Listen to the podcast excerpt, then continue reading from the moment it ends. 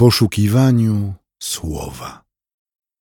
Rozważanie pisma prowadzi ksiądz Piotr Gaś, Kościół Świętej Trójcy w Warszawie. Łaska Wam i pokój od Jezusa Chrystusa, który jest świadkiem wiernym, pierworodnym z umarłych i władcą nad królami ziemskimi.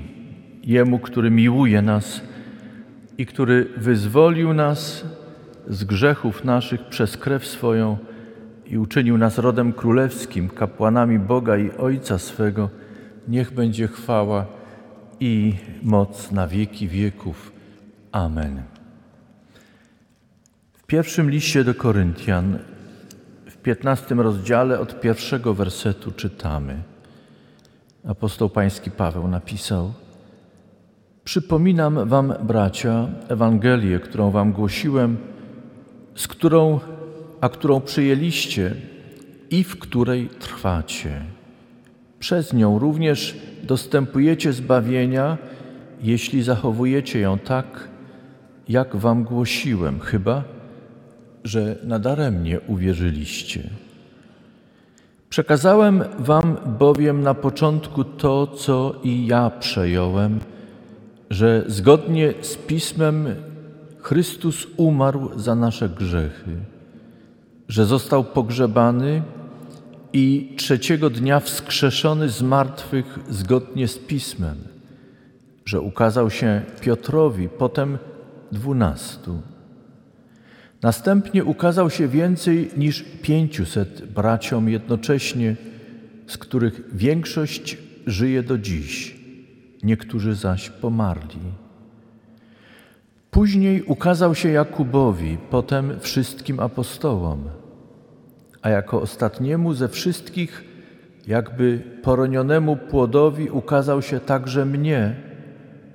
Ja przecież jestem najmniejszym z apostołów i nie jestem godny nazywać się apostołem, ponieważ prześladowałem Kościół Boży. Dzięki jednak łasce Boga jestem tym, kim jestem, a Jego łaska względem mnie nie okazała się daremna. Pracowałem bowiem więcej od nich wszystkich, nie tyle ja, ile łaska Boga, która jest ze mną. Czy to więc ja, czy oni tak głosimy i tak uwierzyliście? Boże, dziękujemy Ci za to świadectwo apostoła, za świadectwo kobiet, które były przy grobie Jezusa. Dziękujemy Ci za modlitwę i wyznanie Anny. Błogosław te słowa w sercach naszych. Amen.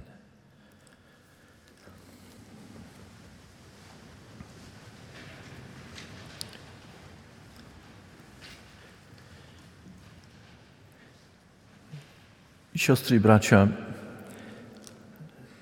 wysłuchaliśmy modlitwy Anny, matki dziecka, które zostało jej darowane. Mówiła o Bogu i o czynach Boga, o dziełach Boga ze swojej perspektywy. Na podstawie tego, czego sama doświadczyła i czego doświadczała w swoim świecie. Warto zwrócić uwagę, że Biblia to nie tylko święta księga dotycząca spraw religii, ale to także księga mówiąca o codziennym życiu ludzi, którzy byli przed nami. Pamiętamy, że Anna, nie mogąc mieć dzieci, osądzona przez swoje środowisko, a przypomnę, że był to czas, kiedy brak potomstwa, brak płodności był uważany za rodzaj kary niebios, który dotyka kobietę. Rozumiejąc łono kobiety jako ogród, który ma owocować niemiłosiernie. Dokonywano nieraz na kobietach nie mających dzieci osądu. Nie wiedziano również wówczas, że niepłodność może być też przypadłością mężczyzny i to częściej niż w przypadku kobiet. Anna cierpiała, modliła się. prosiła o dziecko i obiecała, że jeśli będzie to syn, odda go do świątyni, do służby. Urodził się chłopak, nadała, nadała mu imię Samuel i oddała go do świątyni na służbę. Skądinąd muszę powiedzieć, że jest to niezwykła historia, trudna, bo oddała małego Samuela jako bardzo małe jeszcze dziecko. Jest to też jedyny przypadek w Piśmie Świętym, który pokazuje nam, że dziecko zostało oddane pod opiekę i wychowanie kapłanów. Zwykle było to zawsze w kompetencji i obowiązku rodziców. Przytaczam ten fakt i zwracam uwagę na ten szczegół, bo zmienił się czas. I chciałbym, żebyście pamiętali, że dzisiejsze święto i święta, które są przed nami, to nadzwyczajny okres, kiedy ojciec i matka, babcia, dziadek, najbliżsi mogą coś zrobić dla dzieci, które są pod Waszą opieką. Ojca czy matki, babci czy dziadka krewnego. Nie Kościół wychowuje dziecko, a w każdym razie nie w pierwszej kolejności. To jest Wasze prawo, Wasz obowiązek, Wasza powinność, by być w życiu dziecka pierwszym duszpasterzem. I nie chodzi o prawienie kazań, żeby było jasne. Chodzi o przykład życia, o świadectwo życia. Zmieniły się uwarunkowania. Dzisiaj więcej wiemy. Gdyby Anna żyła w naszych czasach, być może nie cierpiałaby tak. Choć dzisiaj nie brak oszołomów i fundamentalistów, którzy krzywdzą kobiety i krzywdzą czasem mężczyzn. Dobrze, że żyjemy w innych czasach, ale jedno jest wspólne. Jesteśmy powołani do tego, by wypełniać w naszym życiu nasze człowiecze powołanie i wzajemnie sobie usługiwać. Sięgając dzisiaj do listu do Koryntian, mamy kolejny przykład, jak do chrześcijańskiego świadectwa wkrada się, czy jest ono uwarunkowane w jakiś sposób rozumieniem człowieka, jego obecności w społeczeństwie, a także w Bożej sprawie, w życiu Kościoła. Słuchaliśmy Ewangelii według przekazu Marka i czytaliśmy o przyjściu kobiet do grobu. Czy był wśród nich Szymon Piotr? Czy był Jan, Tomasz, Tadeusz, Mateusz, którykolwiek z apostołów? Nie.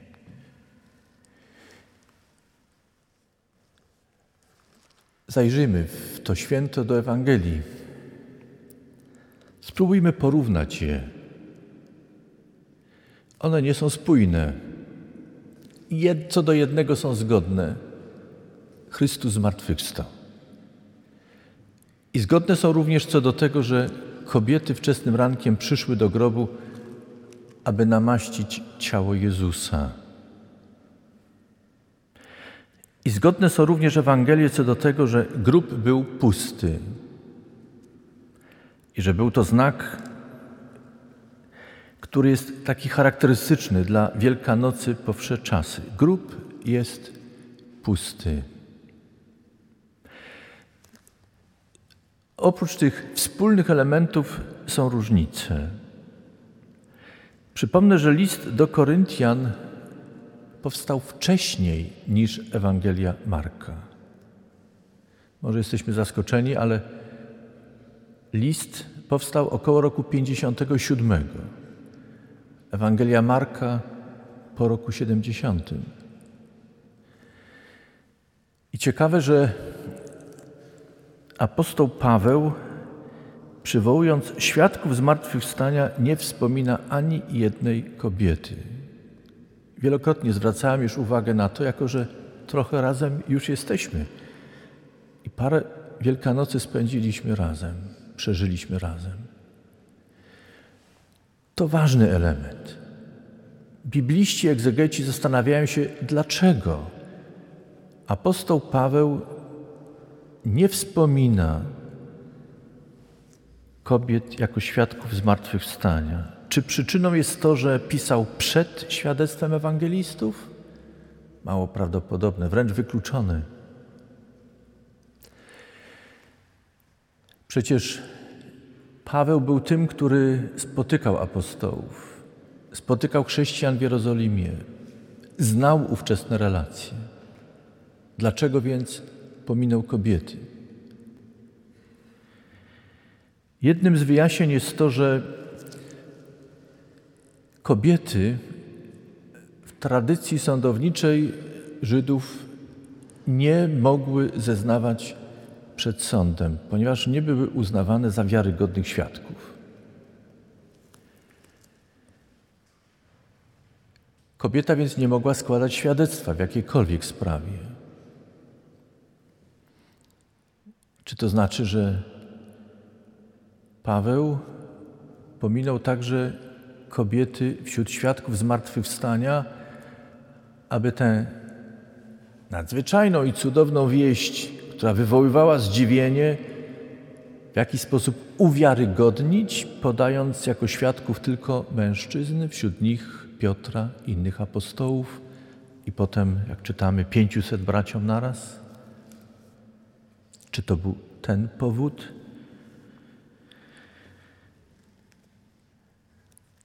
Być może, tak jak Kościół przez wieki pomijał kobiety w służbie liturgicznej ze względu na uwarunkowania społeczne, jakie miały miejsce.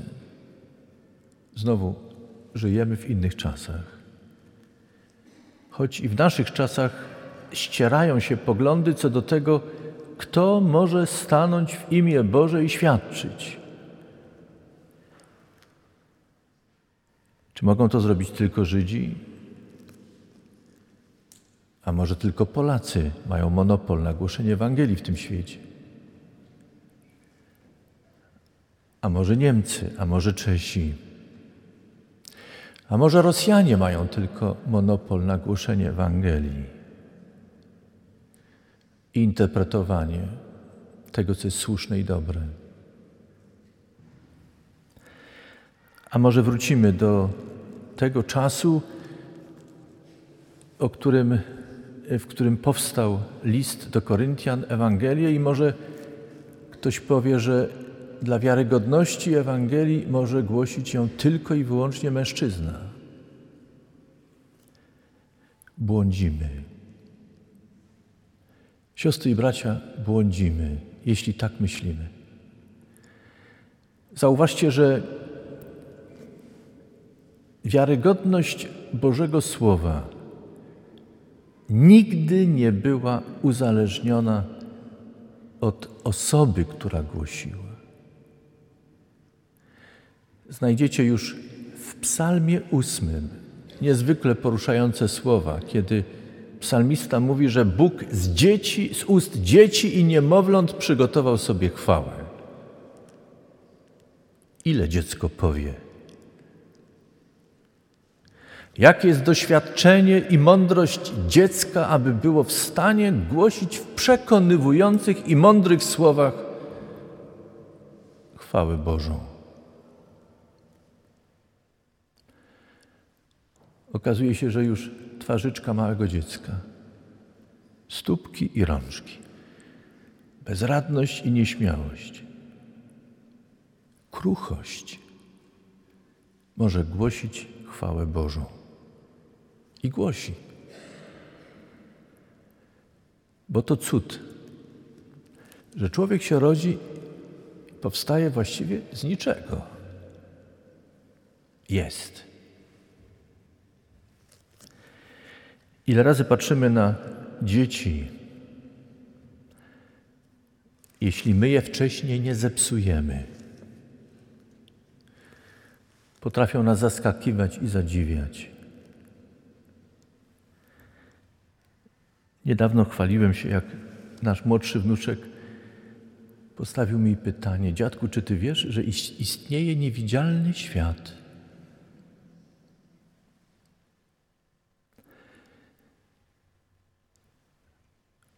Otworzył mi drogę do tego, by z nim rozmawiać o niewidzialnym świecie. Jednocześnie muszę powiedzieć, że wielu dorosłych zamyka sobie i innym drogę, kiedy mówią, że przyjmują tylko to, co jest empirycznie sprawdzalne. A przecież całe nasze poznanie nie wykluczamy empirii, wręcz przeciwnie. Szanujemy ją, potrzebujemy jej, ale przecież w tym świecie poznajemy zaledwie cząstkę tego, co jest.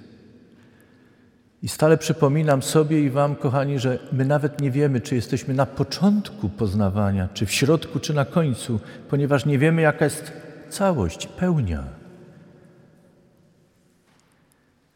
Doświadczamy niewidzialnego świata, jego piękna i mocy. Dotykamy tego, co nas otacza. Świat, który nas otacza, dotyka nas. My mamy wpływ na świat, ale świat też ma wpływ na nas. A wszyscy jesteśmy w rękach tego, o którym mówiła Anna.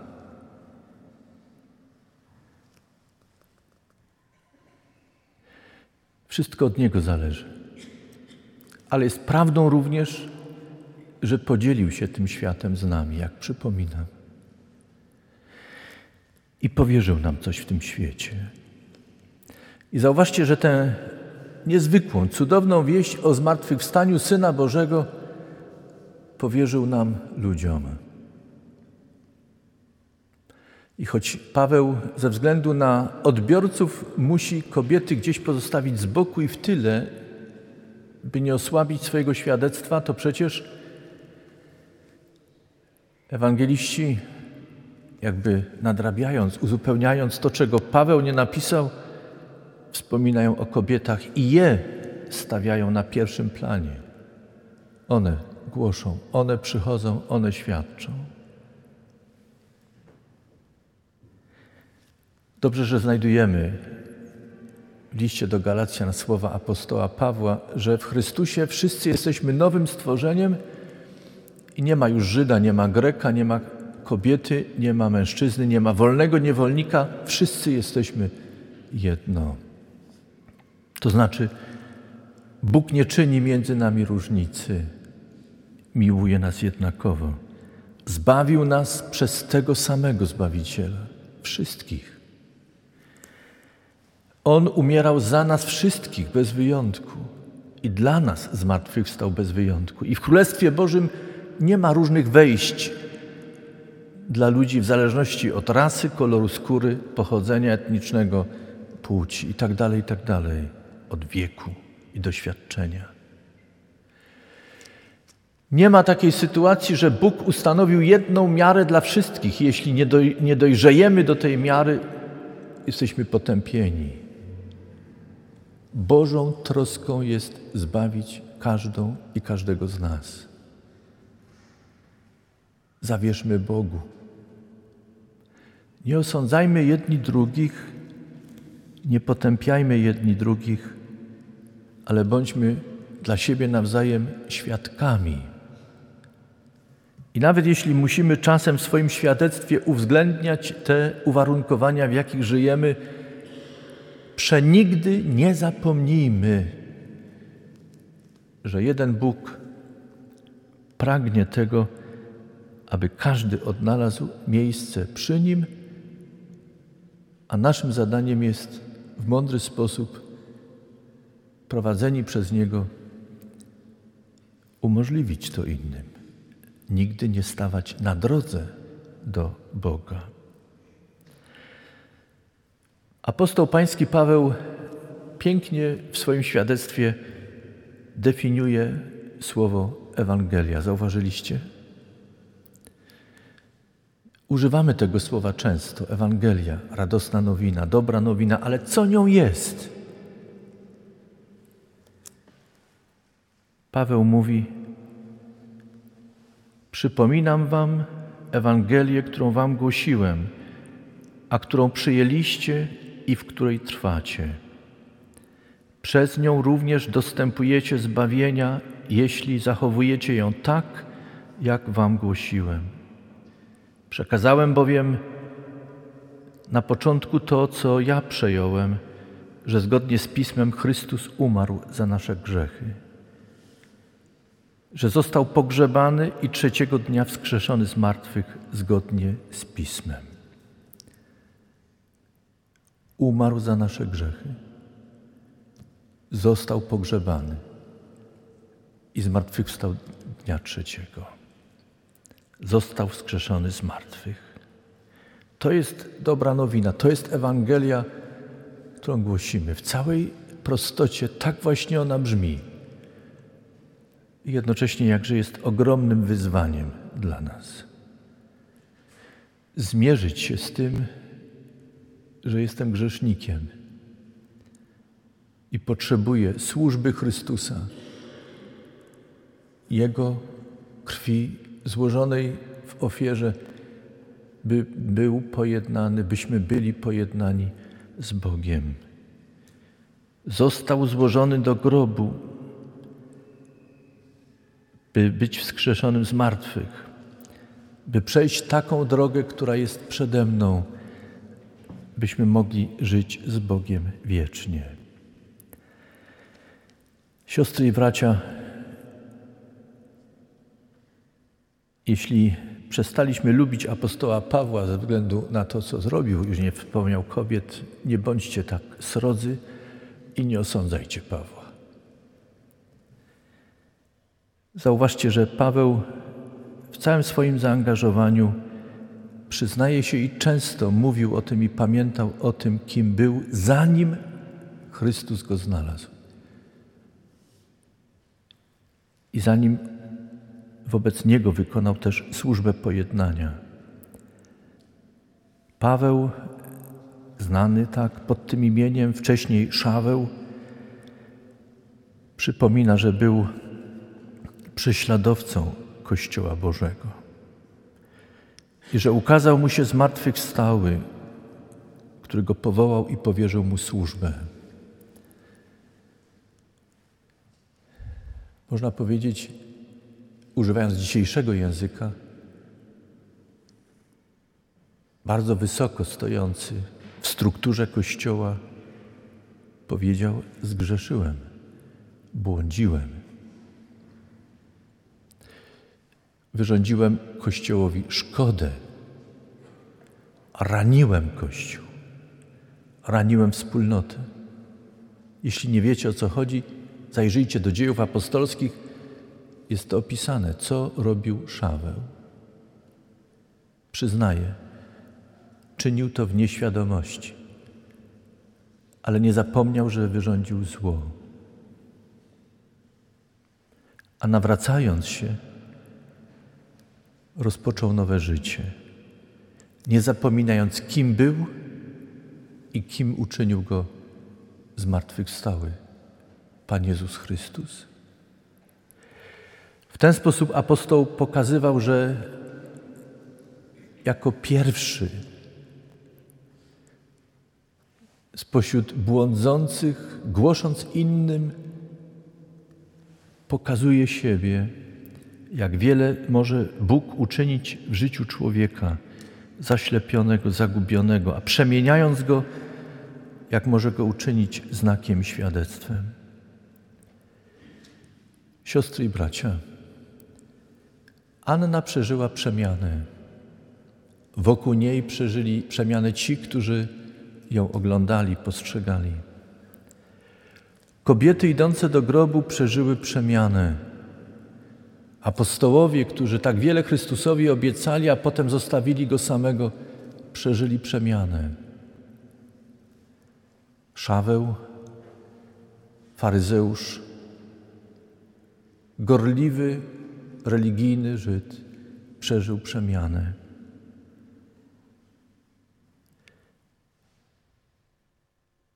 Jestem dzisiaj z Wami, bo przeżyłem przemianę.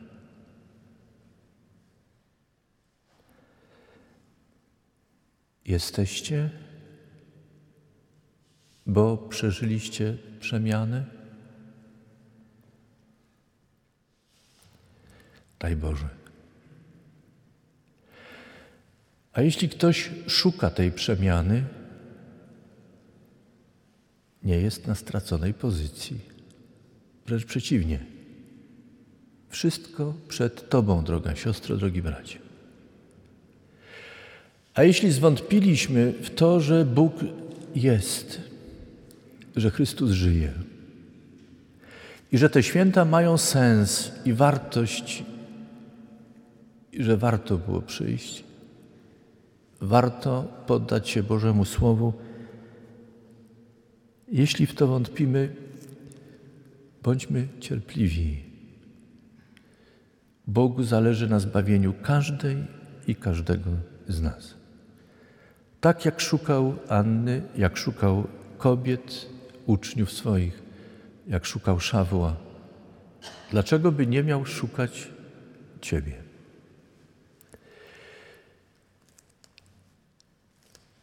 Jeżeli ktoś mi znajdzie w Biblii argument za tym, że Bóg go nie chce, to chętnie o tym porozmawiam. Poważnie mówię. Ja nie znam takiego słowa.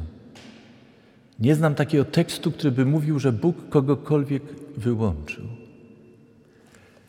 Wiem, że ludzie wyłączają drugiego człowieka, ale Bóg nigdy. Cieszmy się tym, radujmy się tym. Bądźmy świadkami tej dobrej nowiny. Chrystus umarł za nas. Za nas złożony został do grobu, dla nas zmartwychwstał, dla nas wstąpił do nieba. Otworzył nam drogę powrotu do nieba, do niebios, do naszego Ojca Niebieskiego. Nie ma już więc powodu, by myśleć o życiu tutaj na ziemi, które się kończy i potem tylko mrok. Tak, życie tu na ziemi dobiega końca. I kiedy tu się wszystko kończy, po drugiej stronie wszystko się zaczyna. Nie wymyśliłem tego. To jest Ewangelia, którą Bóg nam głosi. Amen. Przyjmijcie życzenie pokoju.